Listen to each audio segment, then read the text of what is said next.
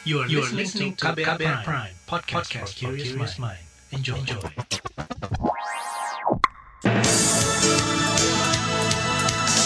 Selamat pagi saudara, jumpa lagi di program Buletin Pagi edisi 3 Januari 2022. Saya Naomi Liandra. Sejumlah informasi pilihan telah kami siapkan di antaranya pembelajaran tatap muka 100% dimulai hari ini. Jokowi tegaskan status pandemi di Indonesia. Banjir Aceh meluas ke tujuh wilayah. Dan inilah Buletin Pagi selengkapnya. Terbaru di Buletin Pagi. Saudara, pembelajaran tatap muka PTM dengan kapasitas 100% yang digelar setiap hari mulai hari ini. Namun, hal itu hanya bisa dilakukan oleh satuan pendidikan yang berada di daerah yang ditetapkan sebagai daerah khusus. Ketentuan tersebut tertuang dalam SKB 4 Menteri tentang panduan penyelenggaraan pembelajaran di masa pandemi COVID-19 tertanggal 21 Desember 2021. Adapun daerah berstatus PPKM level 1 dan 2 dapat menggelar PTM setiap hari dengan kapasitas 100% dan lama belajar maksimal 6 jam per hari. Syaratnya capaian vaksinasi dosis 2 untuk tenaga pendidik di atas 80% dan warga lansia di atas 50%.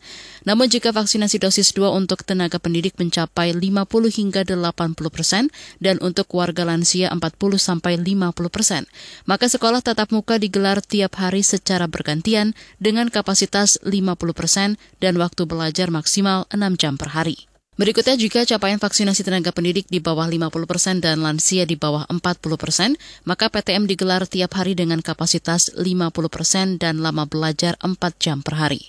Sedangkan untuk daerah PPKM level 3, PTM bisa setiap hari dengan kapasitas 50 persen secara bergantian dan lama belajar paling lama 4 jam per hari. Hingga tadi malam, KBR berupaya menghubungi Kementerian Pendidikan untuk mengkonfirmasi kepastian tentang pemberlakuan aturan ini, namun tidak direspon.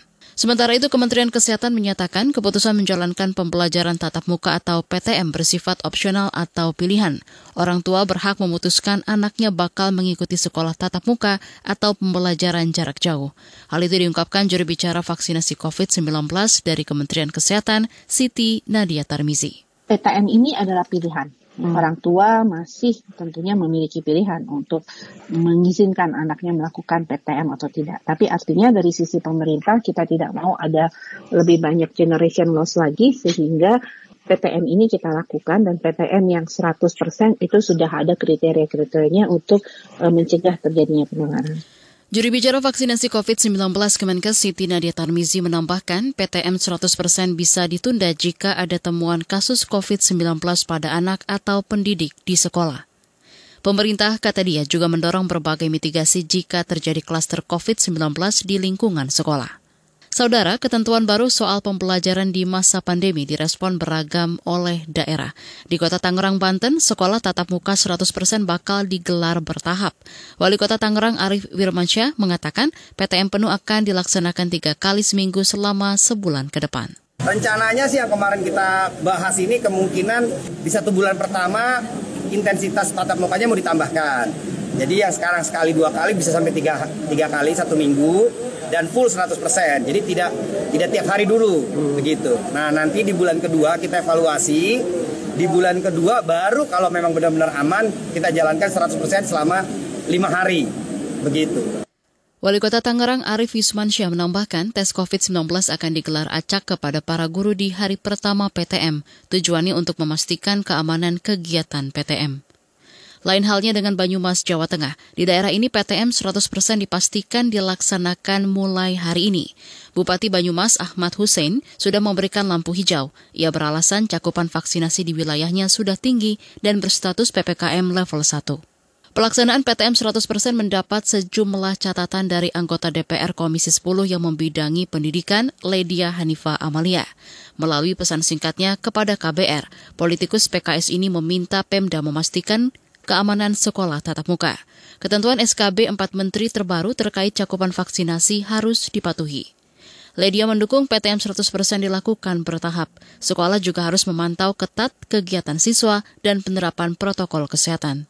Catatan lain juga diberikan oleh Komisi Perlindungan Anak Indonesia KPAI. Komisioner KPAI Retno Listiarti mewanti-wanti pemerintah untuk mengawasi ketat pelaksanaan PTM 100%.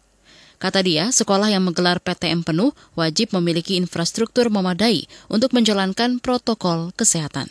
Pertama, ya pemerintah harusnya dengan gugus tugas COVID daerah dengan pemerintah daerah ya memastikan sekolah-sekolah itu soal kesiapan sarana prasarana dan perubahan perilakunya gimana gitu ya. Orang tua ya sebenarnya juga harus diedukasi nih pendidik gitu ya uh, untuk punya kesadaran tadi misalnya berperilaku sesuai dengan kedisiplinan 3M ya. Jadi guru juga harus tegas penegakan aturan terjadi di sekolah gitu guru harus menjadi role model. Kemudian uh, kalau memang membuka lagi pemerintah harusnya ini percepatan vaksinasi Komisioner KPAI Retno Listiarti mengungkap ada sekitar 20 persen sekolah minim sarana prasarana penunjang prokes.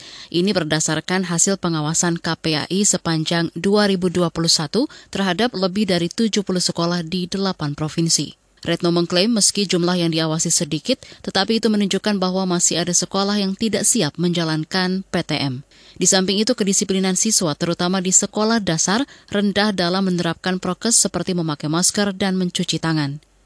KPAI khawatir jika PTM 100% dipaksakan, maka akan timbul banyak klaster COVID-19. Pemerintah larang sementara ekspor batu bara. Informasi selengkapnya hadir sesaat lagi. Tetaplah di Buletin Pagi KBR. You're listening to KBR Pride, podcast for curious mind. Enjoy!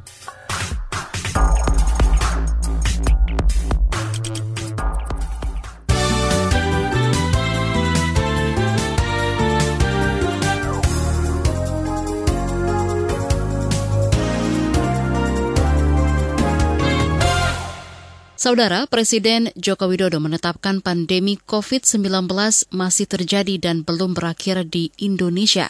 Hal itu tertuang dalam keputusan Presiden yang mulai berlaku pada 31 Desember 2021 lalu. Jokowi mendasarkan pada status pandemi global yang ditetapkan Organisasi Kesehatan Dunia WHO per 11 Maret 2020. Melalui kepres itu, Jokowi memastikan pemerintah akan melaksanakan kebijakan di bidang keuangan negara dan stabilitas sistem keuangan. Selain itu, pemerintah juga bakal mematuhi undang-undang yang mengatur APBN setelah melalui proses legislasi dengan DPR, termasuk menyetujui pengalokasian anggaran serta penentuan batas defisit anggaran guna penanganan pandemi COVID-19 dan dampaknya. Menteri Perhubungan Budi Karya Sumadi mengantisipasi masa liburan pasca perayaan Tahun Baru. Masa itu bertepatan dengan arus balik Natal yang berlangsung pada 1 dan 2 Januari kemarin. Ia memastikan kesiapan seluruh moda transportasi dan lalu lintas. Biasanya saudara kita banyak yang berlibur ke Pulau Seribu. Kali Adem adalah titik terbanyak pergerakan dari Jakarta, Bekasi, Tangerang, Depok ke arah Pulau Seribu. Nah oleh karenanya kan kita memang mempersilahkan mereka-mereka untuk jalan-jalan, tetapi mesti prokes. Ya tadi saya lihat berkelilingi jalan baik, ras itu dikaitan dengan tiket, periksa dengan bagus, kita cek juga di kapal bagus. Jadi memastikan bahwa prokes daripada atas COVID ini berjalan dengan baik. Menteri Perhubungan Budi Karya Sumadi mengklaim telah mengecek kesiapan beberapa daerah dan memastikan arus balik liburan berjalan lancar. Ia memprediksi arus balik berikutnya akan berlangsung pada 8 hingga 9 Januari mendatang.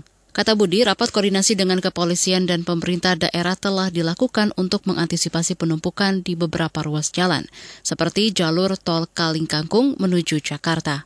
Lembaga Biologi Molekuler LBM Eijkman resmi bergabung dengan Badan Riset Inovasi Nasional BRIN sebagai pusat riset biologi molekuler Eichmann. Kepala BRIN Laksana Trihandoko dalam keterangan tertulisnya membenarkan adanya pemberhentian pegawai LBM Eichmann pasca integrasi dengan BRIN. Namun, sebagian besar akan dialihkan sesuai skema yang ada. Di antaranya ilmuwan PNS diangkat sebagai PNS BRIN sekaligus peneliti. Kemudian periset honorer usia di atas 40 tahun dan berpendidikan S3 dapat mengikuti penerimaan ASN jalur PPPK 2021. Adapun periset usia kurang dari 40 tahun dan S3 diminta mengikuti penerimaan ASN jalur PNS 2021. Selanjutnya, periset honorer non-S3 dapat melanjutkan studi. Bagi yang tidak tertarik, bisa menjadi tenaga operator lab di Cibinong, Jawa Barat. Opsi berikutnya, honorer non-periset akan diambil alih RSCM sekaligus mengikuti rencana pengalihan gedung LBM Edgeman ke RSCM sesuai permintaan Kemenkes. Destinasi wisata yang menerapkan sistem pengawasan protokol kesehatan dan teknologi diyakini menjadi pendongkrak pemulihan pariwisata tahun ini.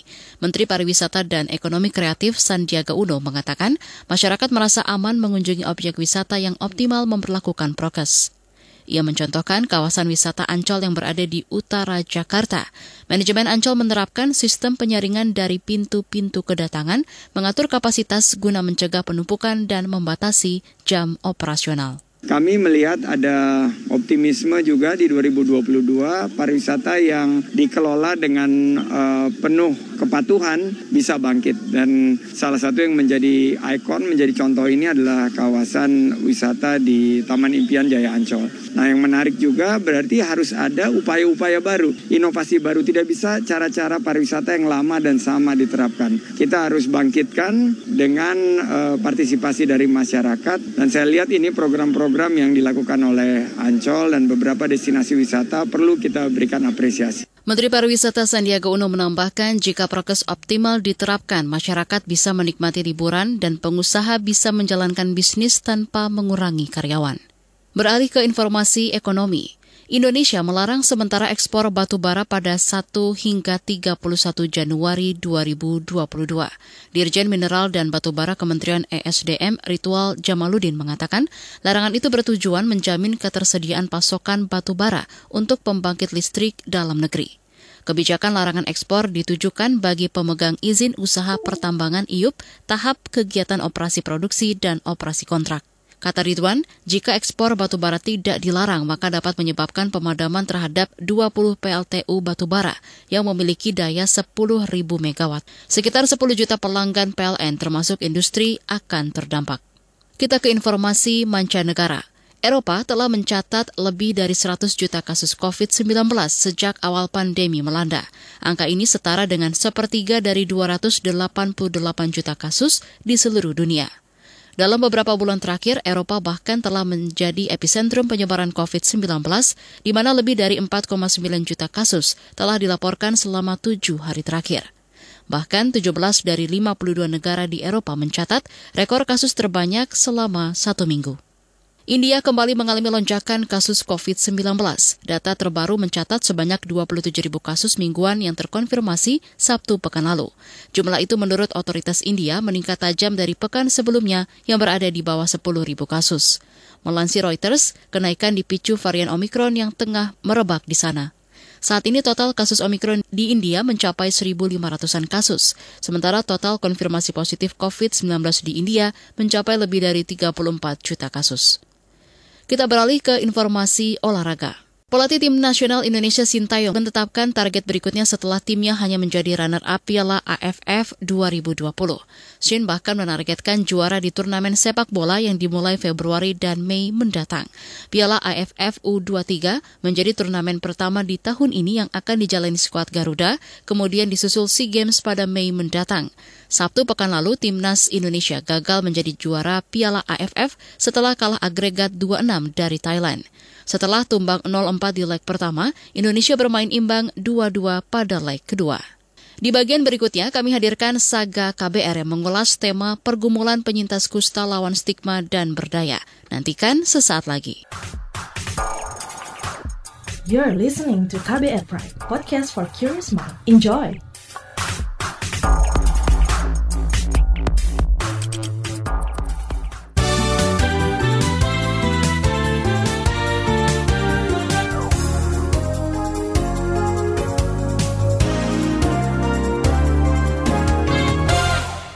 Hari Kusta Sedunia diperingati saban Januari. Itu artinya penyakit yang sudah ada sejak berabad-abad lampau ini masih menjadi ancaman, walau kasusnya terus berkurang.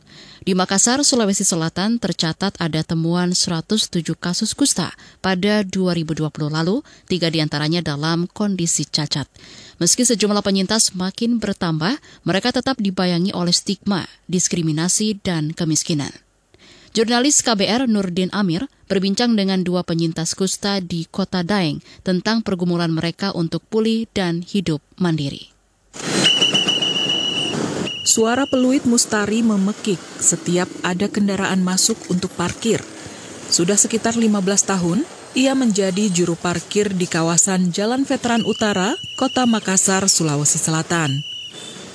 Tak banyak pekerjaan yang bisa dilakoni orang yang pernah menderita kusta seperti dirinya. Selain jadi juru parkir, Mustari juga mengayuh becak. Pendapatannya per hari sekitar Rp150.000 untuk memenuhi kebutuhan istri dan empat anak. Kalau parkir kan maksudnya kita tidak terlalu dibebani. Kalau punya kantor kan kita memerlukan ijazah, sedangkan kita tidak memenuhi standar ijazah. Tapi yang tidak cacat bisa diterima masuk kerja. Tapi kalau yang sudah cacat tingkat tiga ini susah. Pria 54 tahun ini terjangkit penyakit kusta saat duduk di bangku SMP di Polewali Mandar, Sulawesi Barat. Kurangnya pemahaman membuat Mustari terlambat ditangani. Saya itu sekolah sudah terkena ada belang-belang, black-black di tubuh saya. Karena saya belum kenal kusta, makanya saya biarkan biarkan itu penyakit itu berkembang di tubuh saya. Inkubasinya mungkin 2 sampai 3 tahun baru terasa. Waktu saya di Sema, baru saya terasa ada nyeri. Saya periksakan ke dokter, ternyata saya diponis kusta. Di era 80-an, kusta atau lepra masih dianggap kutukan dan sulit disembuhkan. Pengucilan dan stigma meruntuhkan kepercayaan diri Mustari. Apalagi dalam sejarah keluarganya, tidak ada satupun yang pernah menderita kusta. Waktu itu saya terganggu saya punya pemikiran. Akhirnya tinggalkan sekolahku itu dan pergi merantau ke Pelopo. Tinggal sama orang kan, saya pikir untuk menjaga keluarga itu, maka saya... Di Palopo, Sulawesi Selatan, Mustari diterima warga sekitar. Ia pun menjalani pengobatan.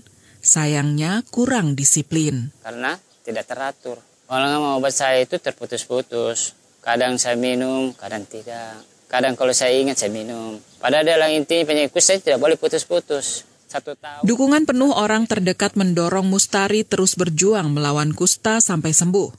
Ia kemudian pindah ke kompleks kusta Jongaya, Makassar. Terus saya diberi dorongan juga sama istri bahwa penyakit kusta itu tidak apa-apa bagi dia. Kan dia orang sehat. Saya kembali lagi ke Makassar. Pas tahun 2000 saya masuk di sini bersama dengan anak dan istri. Kompleks Jongaya sudah ada sejak zaman penjajahan Belanda pada 1936. Kompleks ini dibangun di atas tanah wakaf pemberian bangsawan kerajaan Goa. Kala itu memang ditujukan untuk penderita kusta yang dikucilkan masyarakat. Kini, Kompleks Jongaya dihuni 400 jiwa dari 70 keluarga, termasuk Mustari dan penyintas kusta bernama Agus Wala. Ia difonis menderita kusta saat remaja. Sejak itu, stigma dan diskriminasi selalu menghampiri. Jadi untuk tipe saya ini hampir orang kampung tidak tahu bilang ini kusta selalu dibilang ini ke, karena angin atau guna-guna. Kan dalam keluarga pun tidak ada yang terima. Keluarga merahasiakan kondisi Agus lantaran status orang tuanya sebagai kepala dusun. Pada 1988, Agus nekat berobat ke Rumah Sakit Kusta Daya, Makassar. Namun, karena kondisi yang sudah parah, kaki Agus harus diamputasi. Bahkan saya di rumah sakit itu keluar masuk dari 88 sampai 9 Nanti setelah diamputasi Pak baru saya tidak masuk rumah. Sehari-hari Agus bekerja sebagai buruh bangunan. Pada 2007 silam, pria 48 tahun ini bersama Mustari dan penyintas lain di Jongaya mendirikan Perhimpunan Mandiri Kusta Permata Makassar. Lewat organisasi itu, para penyintas ingin mengedukasi masyarakat bahwa kusta bisa disembuhkan – kata Mustari. Tahun 2000 itu stigma masih banyak. Orang memberi uang itu dilempar-lempar, takut dengan orang kusta. Dengan lahirnya permata, kita menerobos ke pemerintah, ke masyarakat untuk mempromosikan bahwa kusta bisa sembuh tanpa mengalami cacat. Permata juga ingin menyetop stigma dan diskriminasi terhadap penderita kusta maupun penyintas.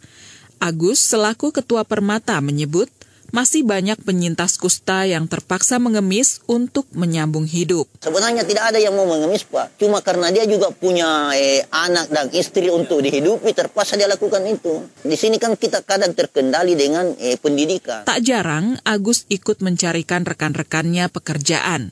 Ia menegaskan bahwa penyintas kusta mampu berdaya dan mandiri seperti warga lain. Artinya layaknya kita bisa betul-betul inklusif, jangan cuma dikatakan sesungguhnya orang yang pernah mengalami kusta juga itu bisa melakukan apa yang bisa. Demikian saga jurnalis KBR Nurdin Amir Saya Astri Yuwanasari. Informasi dari berbagai daerah akan hadir usai jeda. Tetaplah bersama Buletin Pagi KBR.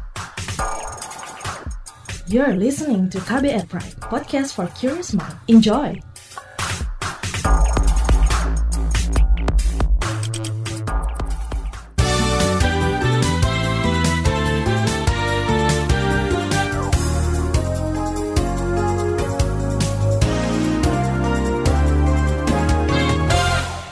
Bencana alam banjir yang menerjang Provinsi Aceh terus meluas hingga ke tujuh kabupaten kota. Banjir juga menelan satu korban jiwa. Menurut pelaksana tugas Badan Penanggulangan Bencana Daerah BPBD Aceh Utara, Murzani, banjir terjadi karena meningkatnya curah hujan. Saat ini air masih dalam kondisi naik, nah, naik daripada kemarin. Nah, ini semua disebabkan dengan adanya hujan semalam yang kecamatan di Aceh Utara yang sudah mengalami banjir, uh, tentu dengan kondisi yang berbeda. PLT BPBD Aceh Utara Murzani menambahkan banjir juga menyebabkan 10.000 orang mengungsi. Selain banjir, hujan deras yang melanda Aceh juga membuat jalan yang menghubungkan antar kabupaten di provinsi itu tertimbun longsor. Kita ke Jawa Tengah. Pengerjaan proyek Kota Pusaka Lasem di Rembang diminta dilakukan dengan hati-hati. Selengkapnya bersama reporter radio jaringan Musyafa dari Radio R2B Rembang.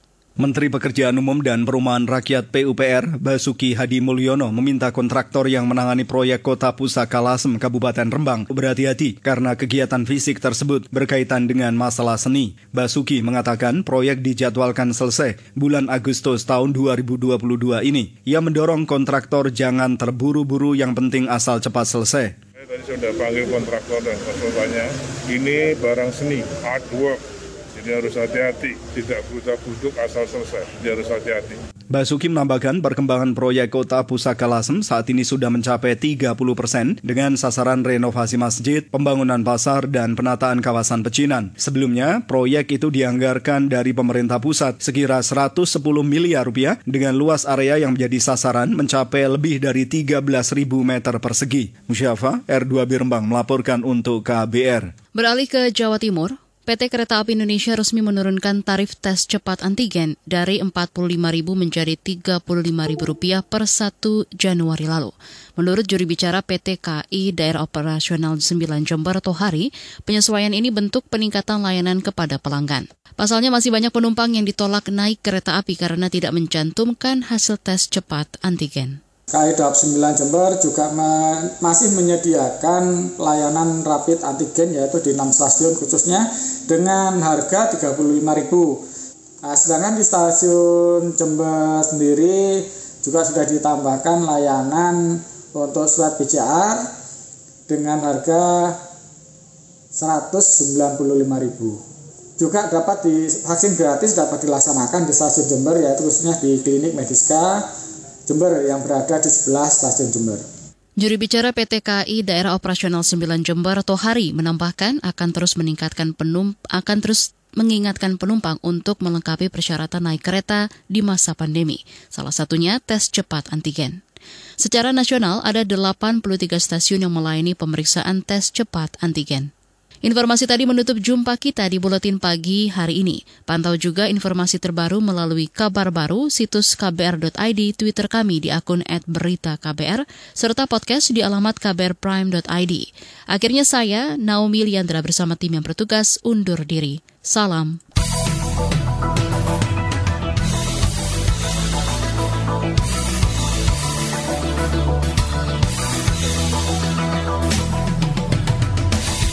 KBR Prime, cara asik mendengar berita. KBR Prime, podcast for curious mind.